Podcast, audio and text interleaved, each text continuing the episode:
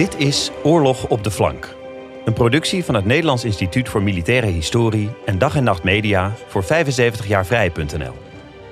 In deze podcast volgden we de afgelopen maanden de bevrijding van Europa. Nu dat verhaal verteld is, kijken we naar het verloop van de Tweede Wereldoorlog in andere delen van de wereld. Aflevering 15. De oorlog in het Verre Oosten.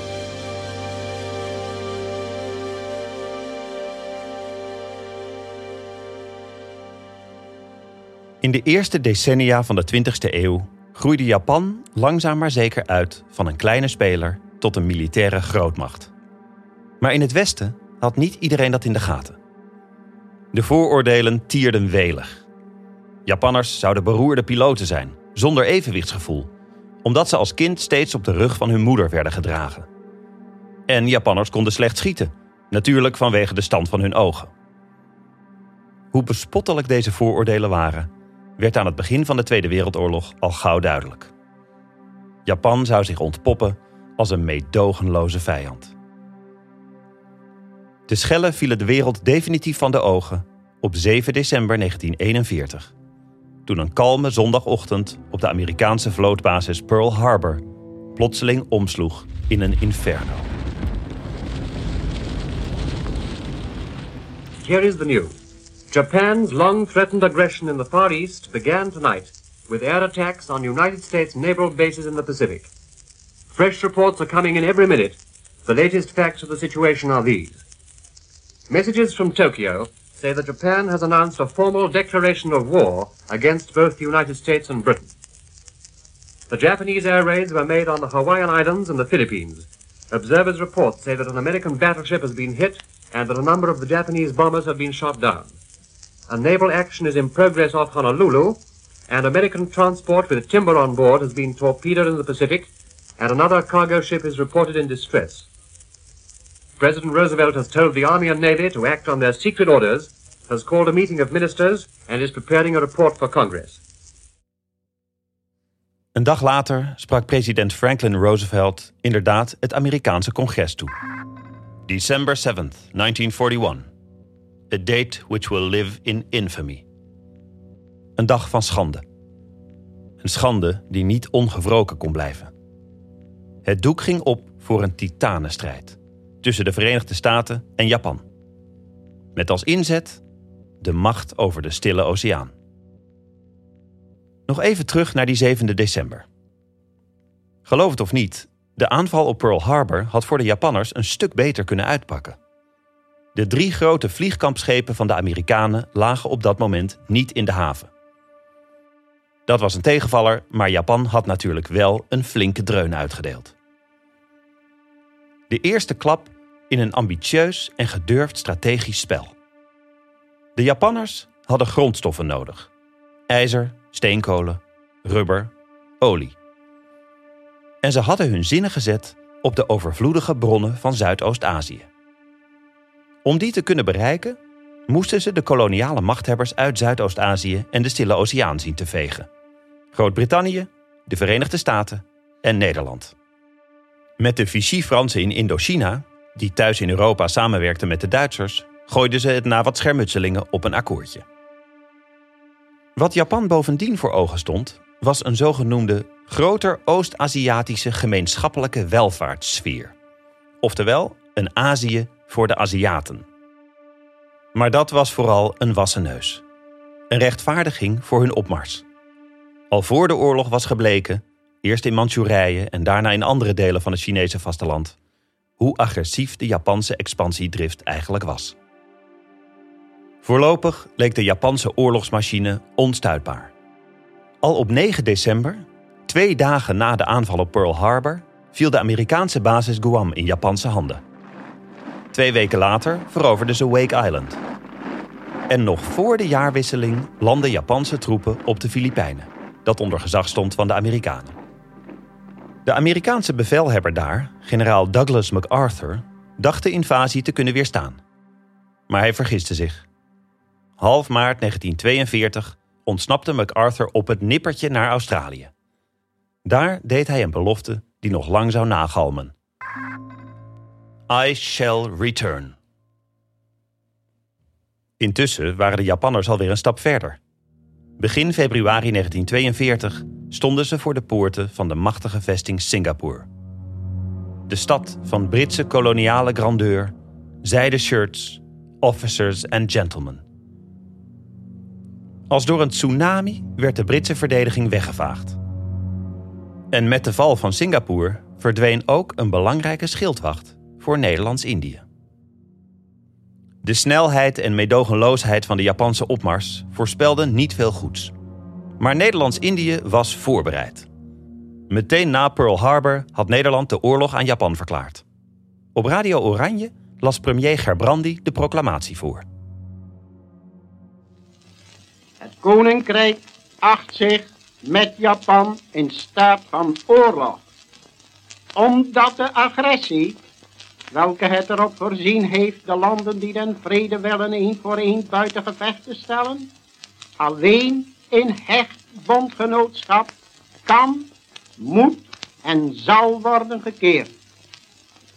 Nu de met ons bevriende Amerikaanse en Britse volkeren worden aangevallen, stelt het Koninkrijk der Nederlanden al zijn strijdkrachten en al zijn hulpbronnen ter beschikking van de gemeenschappelijke oorlogvoering. Een eeuwenlange lotsverbinding beheerste de ontwikkeling van ons koninkrijk. In den orkaan die deze ontwikkeling bedreigt, richt het zich op om in vastberaden eenheid zijn plaats te handhaven in de wereld. Nederlands-Indië wilde zelfvertrouwen uitstralen. Wat moest men anders? Zo schreef het Batavia's Nieuwsblad over een grote militaire parade in de hoofdstad. Indië is inderdaad paraat.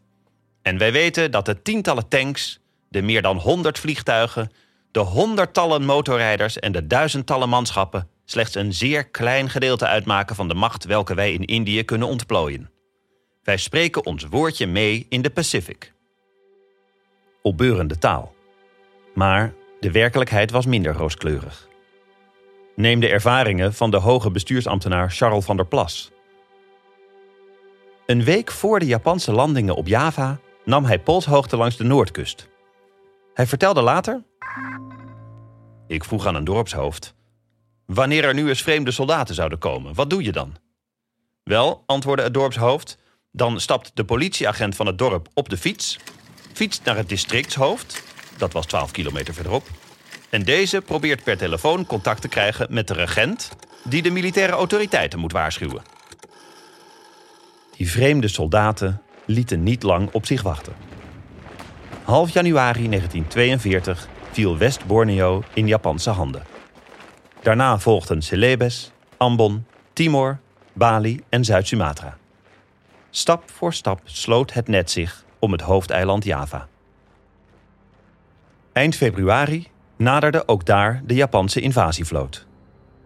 In een wanhopige poging de invasie te stuiten, ging een deel van de geallieerde vloot onder leiding van schout bij nacht Karel Doorman het gevecht aan.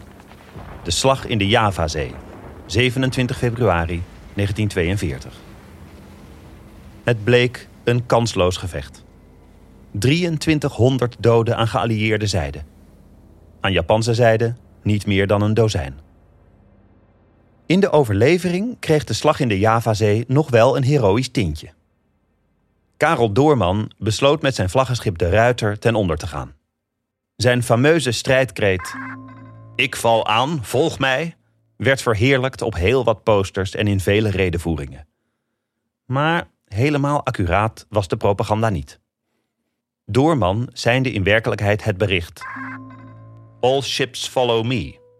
Zelfde strekking wellicht, maar iets minder dramatisch. Het mocht echter allemaal niet baten. Na de rampzalige slag in de Javazee hield niets de Japanse invasie van Java nog tegen. Java, de barrière, bleef gehandhaafd. Totdat op vrijdag en zaterdag 27 en 28 februari 1942 Helfrich, toen commandant der Verenigde Zeestrijdkrachten, zich genoodzaakt zag met een Japanse armada die een zestigtal troepentransportschepen beschermde, gewend naar de noordkust van Java, slag te leveren. Op dat ogenblik bevonden zich van Japanse zijde 14 kruisers, 55 torpedojagers, 25 onderzeeboten, 5 aircraft carriers, 6 Seacraft carriers, dat is meer dan 100 oorlogsschepen in onze Indische wateren. De slag tegen de Japanse vloot was raak, maar de greep naar de transportschepen, gedekt door een front van onderzeeërs, mislukte. Een belangrijk deel der geallieerde vloot, die nog geen een derde van de omvang van vijands zeemacht daar vertegenwoordigde, viel ten offer. De inval op Java was niet meer tegen te houden. Gerbrandi verwoordde het nog netjes. Want van de verdediging van Java was eigenlijk nauwelijks iets terechtgekomen. Geen samenhang, weinig wil tot stand houden. Zwaar gefrustreerd zag marineofficier Abraham Vromans het aan. Hoogst ontmoedigend. Of er goed of niet goed gevochten was, maakte geen verschil. Weer was een groot stuk van Indië verloren gegaan. Ook vechten terugtrekken ontaarde te snel in vluchten. Het hoge tempo waarin de Japanners oprukten, gecombineerd met hun vernietigende luchtoverwicht, werkte verlammend. Op zondag 8 maart gebeurde het onvermijdelijke. Het Koninklijk Nederlands-Indisch leger, het KNIL, gaf zich over. In een paar gebieden probeerden groepen militairen een guerrillastrijd te beginnen, zo goed en zo kwaad als het ging. Maar tot het eind van de oorlog hielden de Japanners vrijwel heel Nederlands-Indië in een ijzeren greep. De verhalen uit de beruchte Japanse interneringskampen doen ons tot op de dag van vandaag huiveren.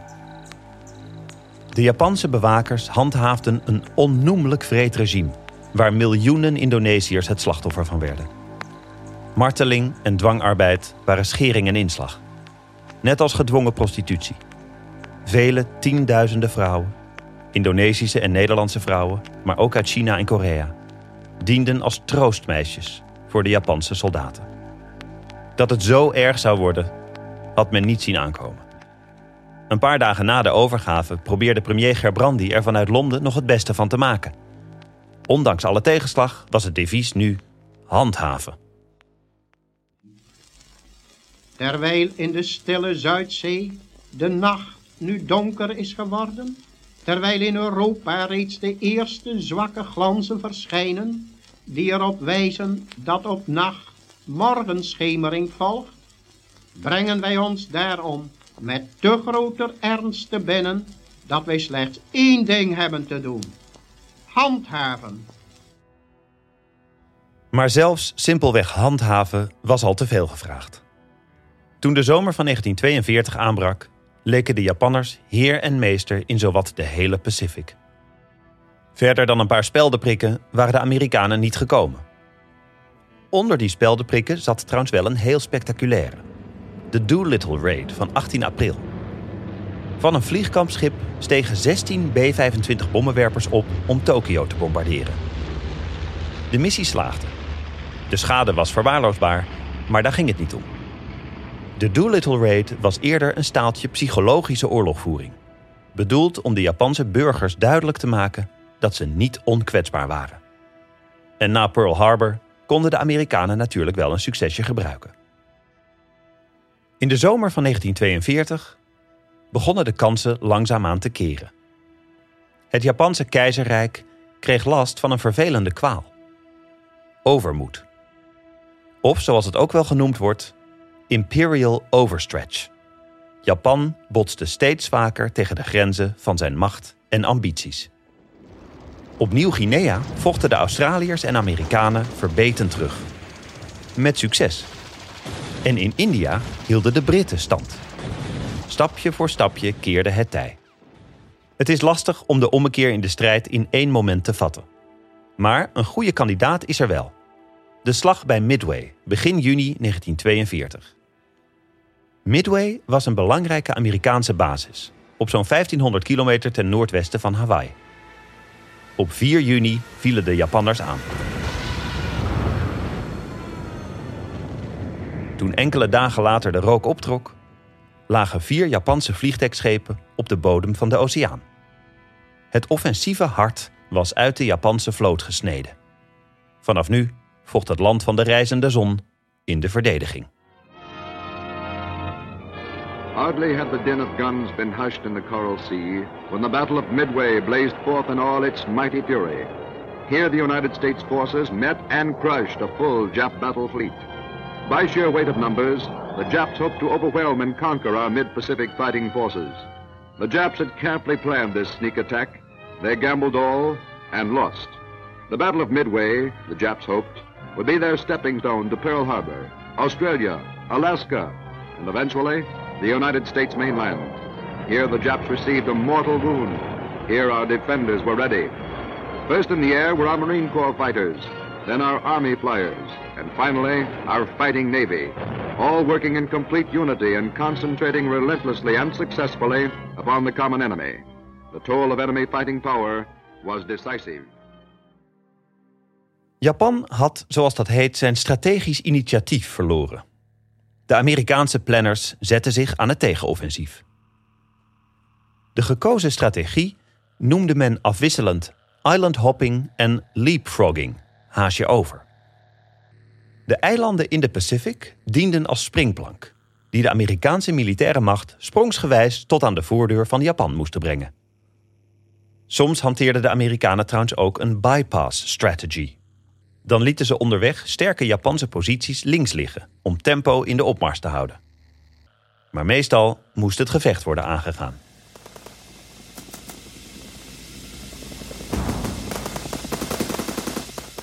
In februari 1943 onderstreepte de Amerikaanse verovering van Guadalcanal nog eens hoe meedogenloos de strijd eigenlijk was.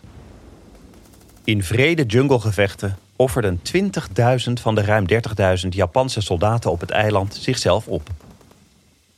Eind 1943 besloten de Amerikanen om de oorlog tegen Japan min of meer alleen af te wikkelen.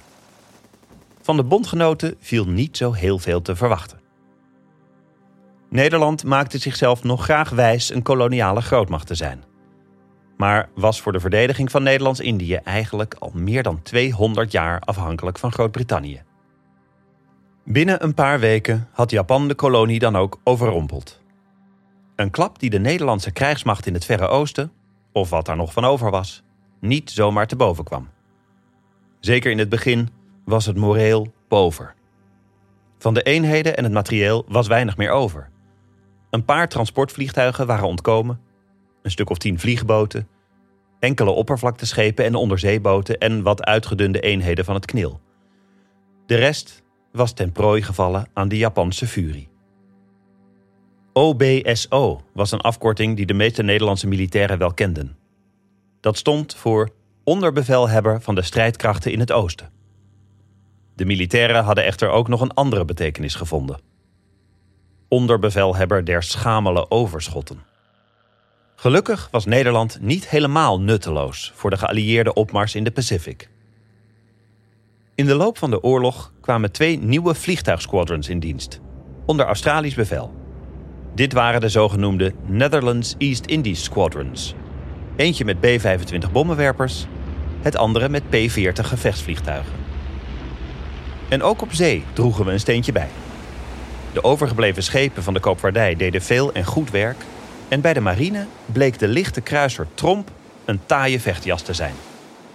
Voor Radio Oranje deed de commandant, overste de meester, verslag. Het was ook goed dat we weer gingen varen. Langdurig stilliggen werkt op den duur ongunstig op de stemming aan boord. De mensen voelen zich het gelukkigst, als er wat te doen is.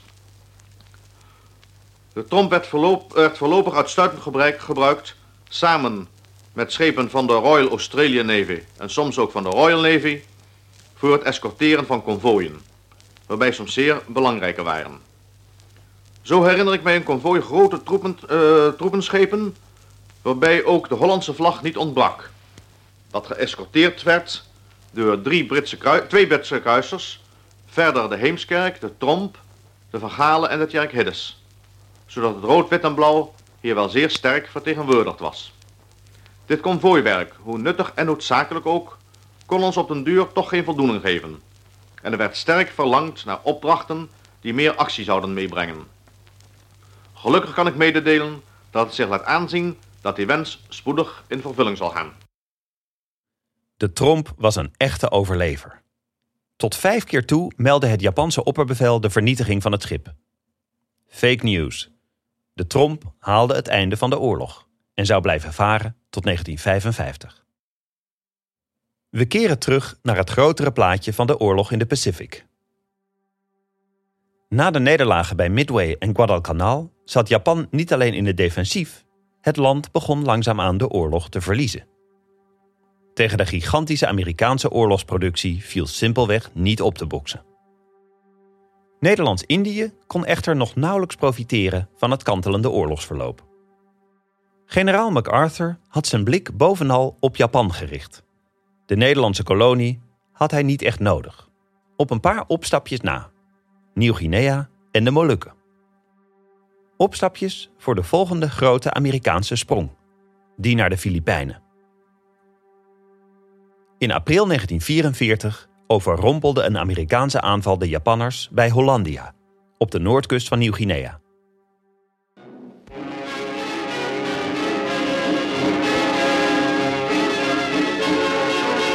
In a six-day campaign, General MacArthur's forces have wiped out the Japanese at Hollandia in Dutch New Guinea. 5th Air Force bombers smash an invasion path from the sky.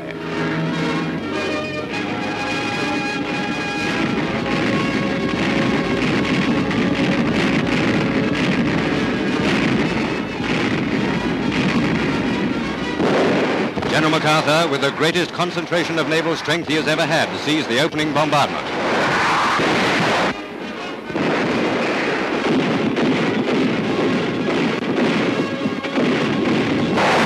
Under the commander's critical eye, landing craft head shorewards under the guns of the fleet.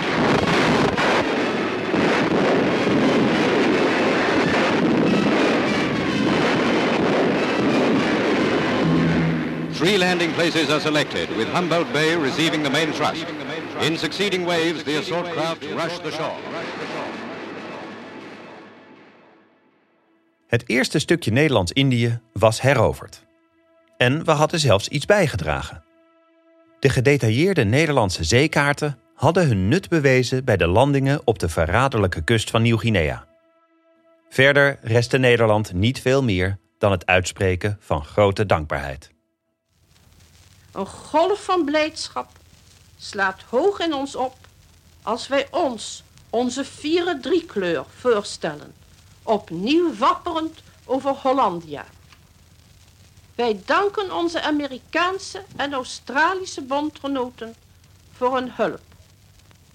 Onverwijld heeft ons bestuur zijn taak hervat en het uiterste in zijn vermogen gedaan om den heersenden nood te lenigen en het aangedane onrecht te herstellen.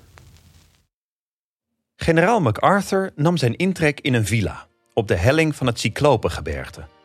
Daar had hij goed zicht op de enorme energie die de Amerikaanse oorlogsmachine produceerde. In een vloek en een zucht stampten de Amerikanen bij Hollandia een militaire stad voor 140.000 man uit de grond. In de diepe baai ging een complete vloot voor anker. En 200 kilometer aan pijpleidingen voeden de drie vliegvelden. De volgende sprong was die naar Morotai, een eilandje in het noorden van de Molukken. Het was september 1944. Troops board an LCI for the attack on Morotai Island, northernmost of the Halmahera Group. U.S. and Australian warships support the operations.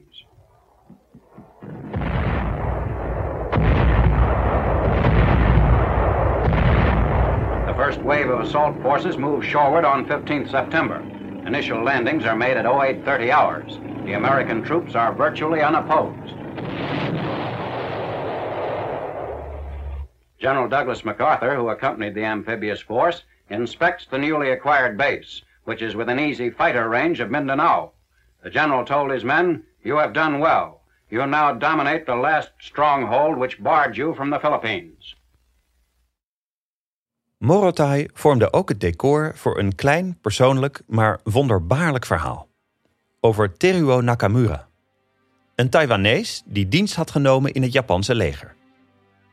Toen de invasie van Morotai losbarstte, vluchtte Nakamura de jungle in. Er waren tijdens de oorlog wel meer Japanse soldaten die onderdoken en daardoor later de overgave van hun land niet meekregen. Maar Nakamura is ontegenzeggelijk degene die dit het langst heeft volgehouden.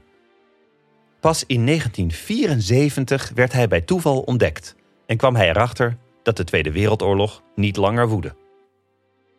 Nakamura stierf vijf jaar later, helaas zonder ooit een interview te hebben gegeven. Terug naar de oorlog. Nu Morotai in geallieerde handen was gevallen, waren eindelijk de Filipijnen aan de beurt. In oktober 1944 maakte generaal MacArthur zijn belofte waar die hij bij zijn vertrek van de Filipijnen deed. I shall return. Nu werd hij vergezeld door honderden oorlogsschepen. Maar desondanks weigerde het Japanse keizerrijk zich over te geven. Eind 1944 maakte de Amerikaanse vloot kennis met een nieuw en gruwelijk fenomeen. Japanse vliegers stortten zich vrijwillig op Amerikaanse schepen. De kamikazes. Japans voor de storm van de goden. Maar ook de kamikazes konden de nederlaag van Japan niet voorkomen. Al helemaal niet toen de Amerikanen naar een instrument grepen dat ze ook tegen Duitsland gebruikten: strategische bombardementen. De gevolgen waren afschuwelijk. Op 9 maart 1945 bijvoorbeeld werd Tokio aangevallen met brandbommen. Het resultaat was een vuurstorm, zo heet dat het water in de kanalen van Tokio kookte. Deze ene enkele aanval eiste ongeveer 100.000 doden. Een slachting vergelijkbaar met de atoombommen op Hiroshima en Nagasaki. Maar daarover dadelijk meer. De Amerikanen besloten om alle grote Japanse steden systematisch tot de grond toe af te branden. Zo'n drastische aanpak was moreel gezien omstreden. Dat gaf de baas van de Amerikaanse bommenwerpers, generaal Curtis LeMay, ook wel toe. Maar hij zag geen andere optie. Verspreid in de woonwijken lagen vele duizenden bouwstenen van de Japanse oorlogsindustrie. Kleine fabriekjes, werkplaatsen, garages. Om zijn punt te maken pakte generaal LeMay de luchtfoto's erbij die na elk bombardement werden gemaakt. Foto's van volledig platgebrande woonwijken. Met goed zichtbaar tussen het puin honderden geblakerde machines die als lugubere skeletten oprezen uit de verwoesting metershoge boormachines, metaalpersen, freesmachines. Voor Lemay was dat genoeg bewijs. Wat hem betrof waren ook de woonwijken strategische doelen. In de eerste helft van 1945 maakten de Amerikanen zich op voor de laatste fase van hun island hopping and leapfrogging campaign. In februari en maart was het eiland Iwo Jima het toneel van bloedige gevechten. De strijd op Iwo Jima leverde ook een van de meest iconische foto's van de oorlog op. Amerikaanse mariniers hijsen de Star Spangled Banner op de berg Suribachi. U kent de foto vast. Maar eigenlijk was dat niet de eerste Amerikaanse vlag die op de top van de Suribachi wapperde. Diezelfde ochtend had een ander groepje mariniers hetzelfde gedaan. Maar ja, die vlag was kleiner en dus minder iconisch, minder fotogeniek. Een paar weken na Iwo Jima volgde Okinawa. Op Okinawa bewezen de Japanners eens te meer dat ze tot hun laatste snik zouden doorvechten. Letterlijk. Hele groepen Japanse soldaten bliezen zichzelf op toen de strijd verloren was.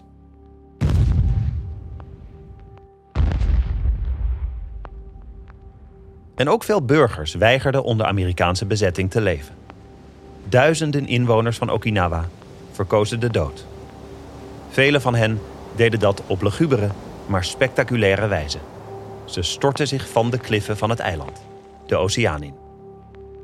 De verovering van Iwo Jima en Okinawa maakte de weg vrij voor de Amerikaanse aanval op Japan. Maar we kijken eerst nog even naar het zuiden, naar Nederlands-Indië. Want daar was intussen in mei 1945 operatie Obo gestart ook wel bekend als de Borneo Campaign. Het eiland Borneo was Brits in het noorden, Nederlands in het zuiden. De voornaamste verantwoordelijkheid voor operatie Obo lag bij de Australiërs, maar het commando was in handen van generaal MacArthur. Eerste doelwit was de oliehaven Tarakan. Het was 1 mei 1945 En sergeant Harry Pugsley had een slecht voorgevoel. Wat was het geval? Op 1 mei 1915 was zijn oom Horace Pugsley gesneuveld bij Gallipoli. Op de dag af 30 jaar eerder dus. Harry Pugsley vond dit toeval maar niks. Net als zoveel soldaten was hij behoorlijk bijgelovig. Maar gelukkig, het lot was hem goed gezind.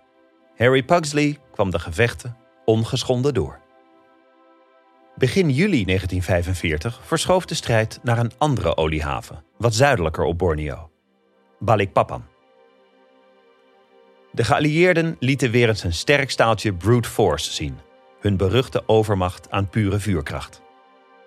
Voorafgaand aan de landing bij Balikpapan verbruikten de geallieerden 3 miljoen kilo aan bommen, ongeveer 7500 raketten en een kleine 40.000 granaten in alle soorten en maten. The heaviest aerial and naval bombardment of any Southwest Pacific action had driven most of the Japanese inland, but not before they set fire to the oil wells near the coast. A grim curtain of smoke now hangs over the entire battlefield.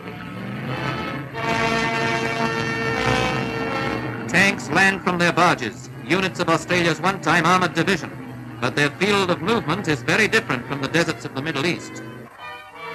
It's a day of liberation for the native population. Their loyalty can once again be expressed openly, and it is. De gevechten bij Balikpapan waren keihard. De vochtige tropische hitte was slopend. Regenwater en modder maakten vuurwapens onklaar. Handgranaten moesten vaak de klus klaren. En de vijand vocht met een fatalistisch fanatisme. Op een keer sprong een Japanse officier in een Australische loopgraaf, woest zwaaiend met een zwaard. Een betrekkelijk zinloze actie. Eén bajonetsteek bleek afdoende. Maar toch tekenend. Soldaat Dick Hill had net met zijn laatste kogels twee Japanners uitgeschakeld toen een derde hem aanviel met een speer. De Australiër hield het hoofd koel. Get out, you silly. Terwijl hij zijn wapen herlaadde, worstelde hij met zijn tegenstander. Om hem vervolgens alsnog neer te schieten. De Australiërs waren eigenlijk nooit erg happig geweest op de operatie. Vanaf het begin hadden ze getwijfeld. Had generaal MacArthur wel een serieus strategisch doel met Obo? Was het niet beter om Borneo gewoon links te laten liggen? MacArthur wilde a Dutch town of some importance bevrijden. Maar aan dat soort symboolpolitiek hadden de Australiërs helemaal geen boodschap. De oorlog liep ten einde. In Europa was hij al voorbij. Of zoals de Australische soldaat Dave Hawking het uitlegde: Iedereen deed zijn werk, maar soms bekroop je dat angstige gevoel dat je gewond zou raken of zou sneuvelen net voor het einde van de show. Maar nodig of niet, operatie Obo slaagde. Na ruim drie maanden was Borneo in geallieerde handen. Nu, in de zomer van 1945, was de vraag hoe Japan de genadeklap moest worden toegebracht. Een nieuwe Amerikaanse president moest deze klus gaan klaren. Op 12 april was Franklin Roosevelt overleden. Zijn opvolger was vicepresident Harry Truman, voor velen eigenlijk een grote onbekende. Truman kreeg, zoals de Amerikanen dat noemen, een gamechanger in handen. Een mysterieus nieuw wapen met ongekende vernietigingskracht: de atoombom.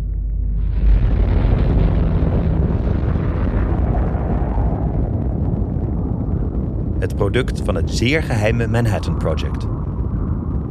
In de woestijn van de staat New Mexico bleek het nieuwe wapen inderdaad te werken. De datum was 16 juli. Duitsland had zich al overgegeven. Alleen Japan moest nog op de knieën.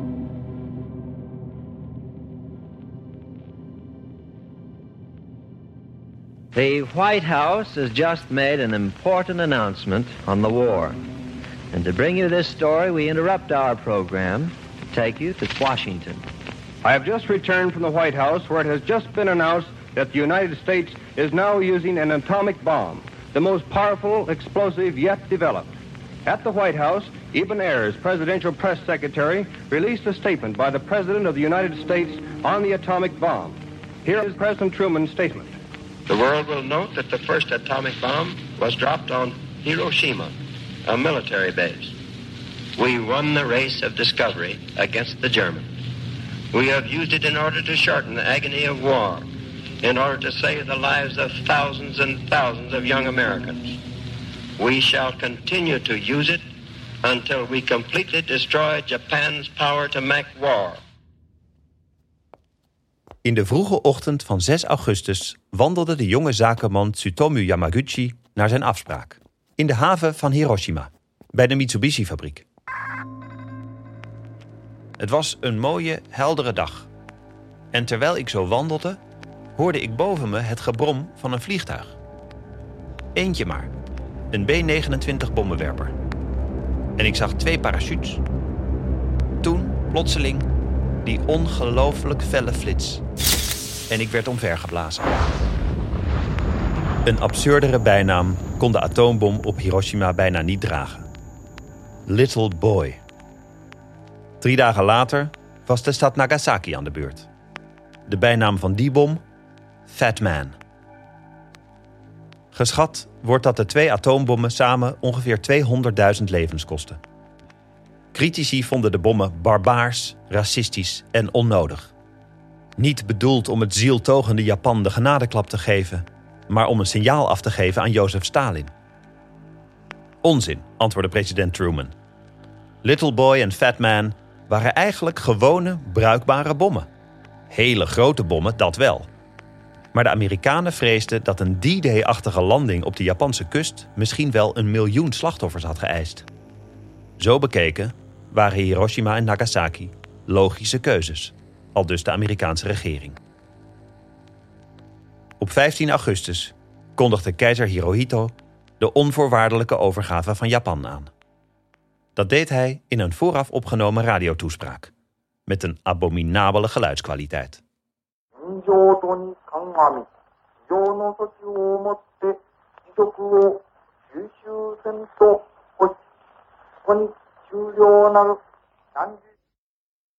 Wanhopig had een groep fanatieke Japanse officieren nog geprobeerd de geluidsopnames te stelen. Maar het was te laat. Keizer Hirohito, de levende god, had gesproken. 7 p.m. Eastern Wartime. Bob Trout reporting. The Japanese have accepted our terms fully. That's the word we've just received from the White House in Washington. This, ladies and gentlemen, is the end of the Second World War. Dit, dames en heren, is het einde van de Tweede Wereldoorlog. Het klopte, maar het was nog niet officieel. Formeel waren er nog een paar handtekeningen nodig. Die werden gezet op 2 september 1945 in de haven van Tokio, aan boord van het slagschip USS Missouri. Toen was de Tweede Wereldoorlog, ook officieel, ten einde. Weggestopt achter al deze wereldpolitieke ontwikkelingen, borrelde en giste het in Nederlands-Indië.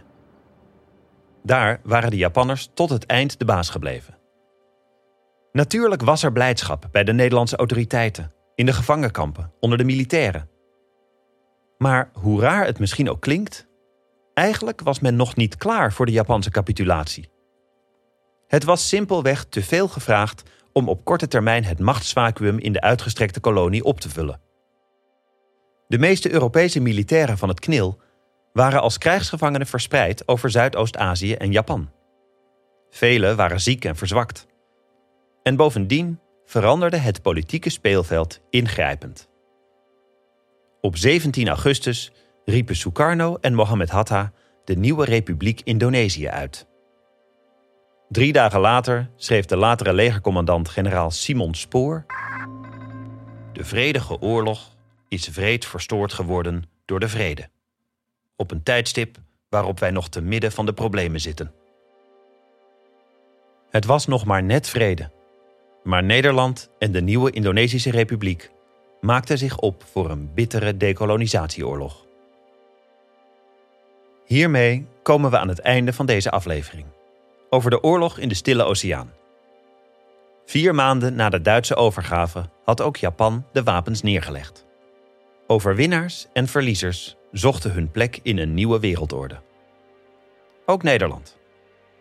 Terugkeren naar hoe het was geweest was ondenkbaar. De dagelijkse prioriteit lag nu bij aanpakken, opruimen en opbouwen. Hoe goed en hoe snel hervond Nederland zijn balans na vijf jaren bezetting? Hoe stond het met de opvang van Joodse Nederlanders en andere gevangenen uit de kampen? En kregen de daders hun terechte straf? Luister voor de antwoorden naar de volgende en tevens laatste aflevering van Oorlog op de Flank. Oorlog op de Flank is een podcast van het Nederlands Instituut voor Militaire Historie, geproduceerd door Dag en Nacht Media. De podcast is onderdeel van de multimediale Ode aan de Vrijheid. Kijk daarvoor ook op www.75jaarvrij.nl en is mogelijk gemaakt door het DOSCO Ontwikkelfonds. Dank ook aan het Nederlands Instituut voor Beeld en Geluid. Research Marco Middelwijk. Projectleider NIMH Lianne van den Doel. Tekstschrijver Christ Klep. Productie en editing Anne Janssens en Cezanne Moeilijker van Dag en Nacht Media. Audiovormgeving Studio Cloak. Mijn naam is David Lucier. Tot volgende maand.